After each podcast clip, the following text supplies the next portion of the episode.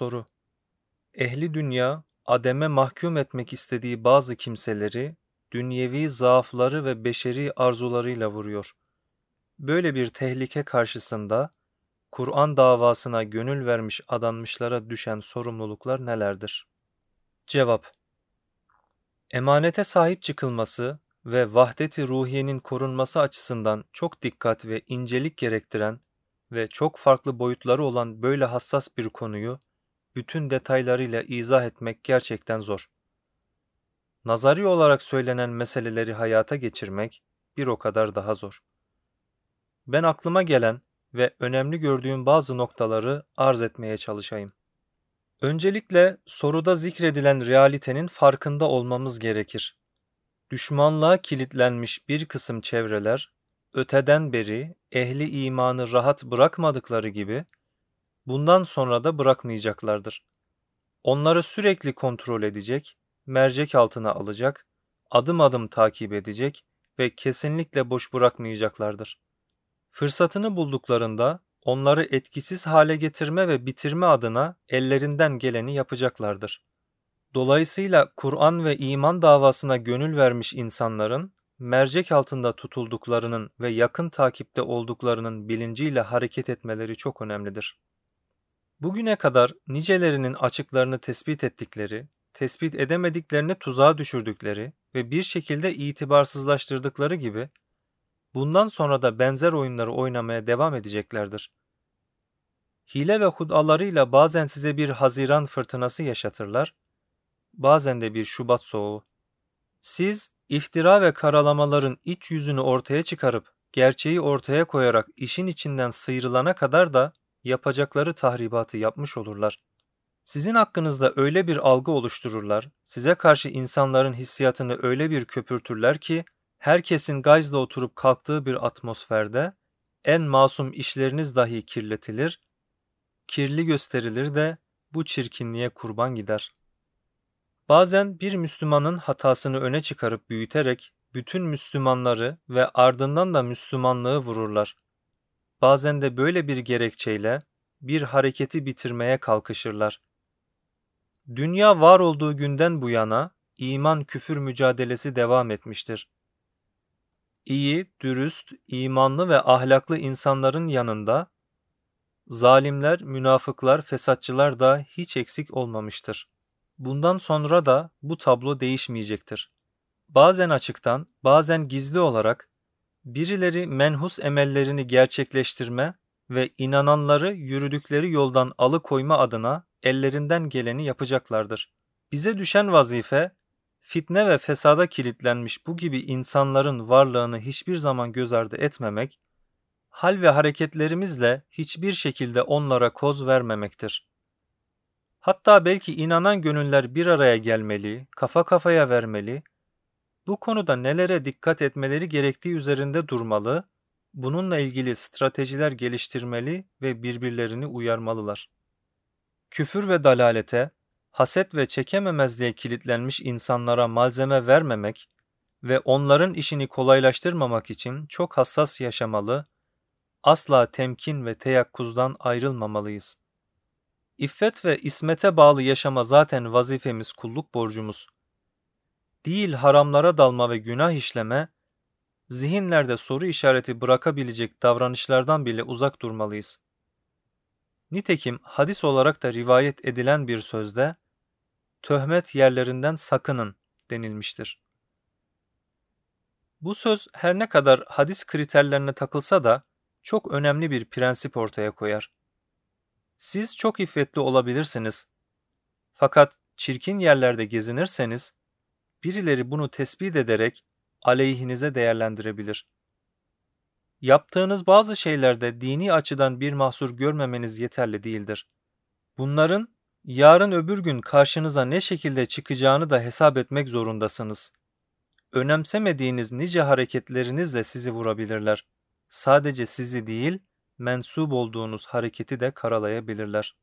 Kur'an ve iman hizmetine kendini adamış insanlar, kendi şeref ve haysiyetlerini korudukları gibi, birlikte oldukları arkadaşlarının şeref ve haysiyetlerini de korumak zorundadırlar. Şayet bizim yüzümüzden onlara laf gelirse mesul oluruz. Sırtımızda taşıdığımız emanet adına ve talibi olduğumuz iman davası hatırına çok dikkatli yaşamak, her adımımızı düşünerek atmak zorundayız. Bugüne kadar nice yalanlar doğruluk urbası giydirilerek piyasaya sürülmüş ve bununla nice temiz sular bulandırılmıştır. Nice samimi müminler olmadık iftiralarla karalanmıştır. Bu tür kirli operasyonların sebep olduğu tahribat, sadece işin faili gibi gösterilen kişilerle de sınırlı kalmamış, bilakis dine karşı tavır alınmasına yol açmıştır. Bazı müminlerin şuursuzca yaptığı hatalar veya bilerek işledikleri günahlar, dini vurmak isteyen çevreler tarafından büyük bir fırsat olarak görülmüş ve tepe tepe kullanılmıştır.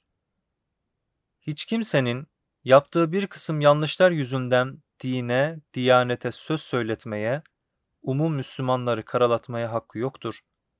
Yapılan yanlışlar her ne kadar şahsi gibi görünse de bir yönüyle umumun hukukuna tecavüz edilmiş olur. Hassaten dini temsil konumunda bulunan kimseler, başından sonuna kadar bütün hayatlarını peygamberane bir azimle, ciddiyetle, titizlikle, ismet ve iffet duygusuyla yaşamaya çalışmalıdırlar. Bunun da ötesinde onlar, ehli dünyanın muhtemel saldırılarını hesaba katmalı, suistimal edilecek noktaları göz önünde bulundurmalı ve fevkalade bir basiret ve ferasetle hareket etmelidirler. Şüphe, töhmet ve suçlamalara sebep olabileceği, sui tevil ve tefsire uğrayabileceği, istismar edilebileceği endişesi söz konusuysa, dine göre mahsurlu olmayan bir kısım mübah fiillerden bile uzak durmalıdırlar. Bir müminin din ve diyanete laf gelmesin, içinde bulunduğu heyete zararı dokunmasın diye koyduğu bu tür gayretler onun ibadet hanesine yazılır ve defteri hasenatına sevap olarak akar. Çünkü hassasiyeti Müslümanlık adınadır ve bu hassasiyetin altında Allah rızası vardır. Müslümanları mahcup etmeme, Efendimizin sallallahu aleyhi ve sellem nurani mesajına toz kondurmama, İslam'ın dırahşan çehresini karartmama adına ne kadar hassas olsak yine de azdır. Kendimizi hesaba çekme. Hesabını veremeyeceğimiz hiçbir davranışımızın olmaması gerekir. Hesaba çekilmeden evvel kendimizi burada hesaba çekmeli, hayatımızı ciddi bir muhasebe duygusuyla yaşamalıyız. Ta ki açığımızı yakalamak için fırsat kollayan kötü niyetli insanlara koz vermeyelim omuzlarımızda taşıdığımız emanete hıyanet etmeyelim. Bediüzzaman Hazretlerinin kazandığı paranın, giydiği elbiselerin, yediği yemeklerin sık sık hesabını vermesinin altında böyle bir hassasiyet vardır. Bazıları onun bu tür açıklamalarını talebelerine karşı güven telkin etme olarak anlayabilir. Bu doğrudur da. Fakat meseleyi sadece buna münhasır görmemek gerekir. Bunun yanında o, daha sonra hakkında ortaya atılabilecek bir kısım yalan ve iftiraların önünü almıştır. Yaşadığı hayatın milimi milimine hesabını vermek ve topluma karşı şeffaf davranmak suretiyle gelebilecek her tür töhmet ve eleştiriye mani olmuş, oldukça nezih ve iffetli bir hayat yaşadığını herkese göstermiştir. Evet, Hazreti Pir bir taraftan olabildiğince sade ve basit bir hayat yaşamış, Diğer yandan yaşadığı bu basit hayatın defaatle hesabını vermiştir. Bazıları bu kadarını fazla bulabilir ve böyle bir hassasiyetin insana hayatı zindan edeceğini düşünebilir. Fakat unutmamak gerekir ki cehennem nefsin arzu ettiği şeylerle, cennet ise nefse ağır ve zor gelen şeylerle çevrilmiştir. İnsan nefsin önüne çıkan bu engelleri aşağı aşağı cennete ulaşacaktır.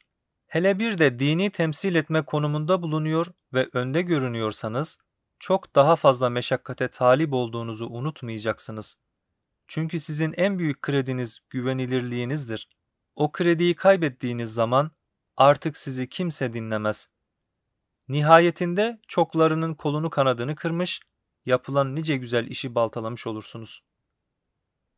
Dolayısıyla katlanacaksınız çektiğiniz her bir zorluğun sevap defterine kaydolacağını öbür tarafta mizanın bir kefesine konulacağını unutmayacaksınız. Bilemiyoruz. Burada Allah için katlandığınız zorluklar, ötede karşınıza ne gibi sürprizler, ne türden ilahi teveccühler şeklinde çıkacak.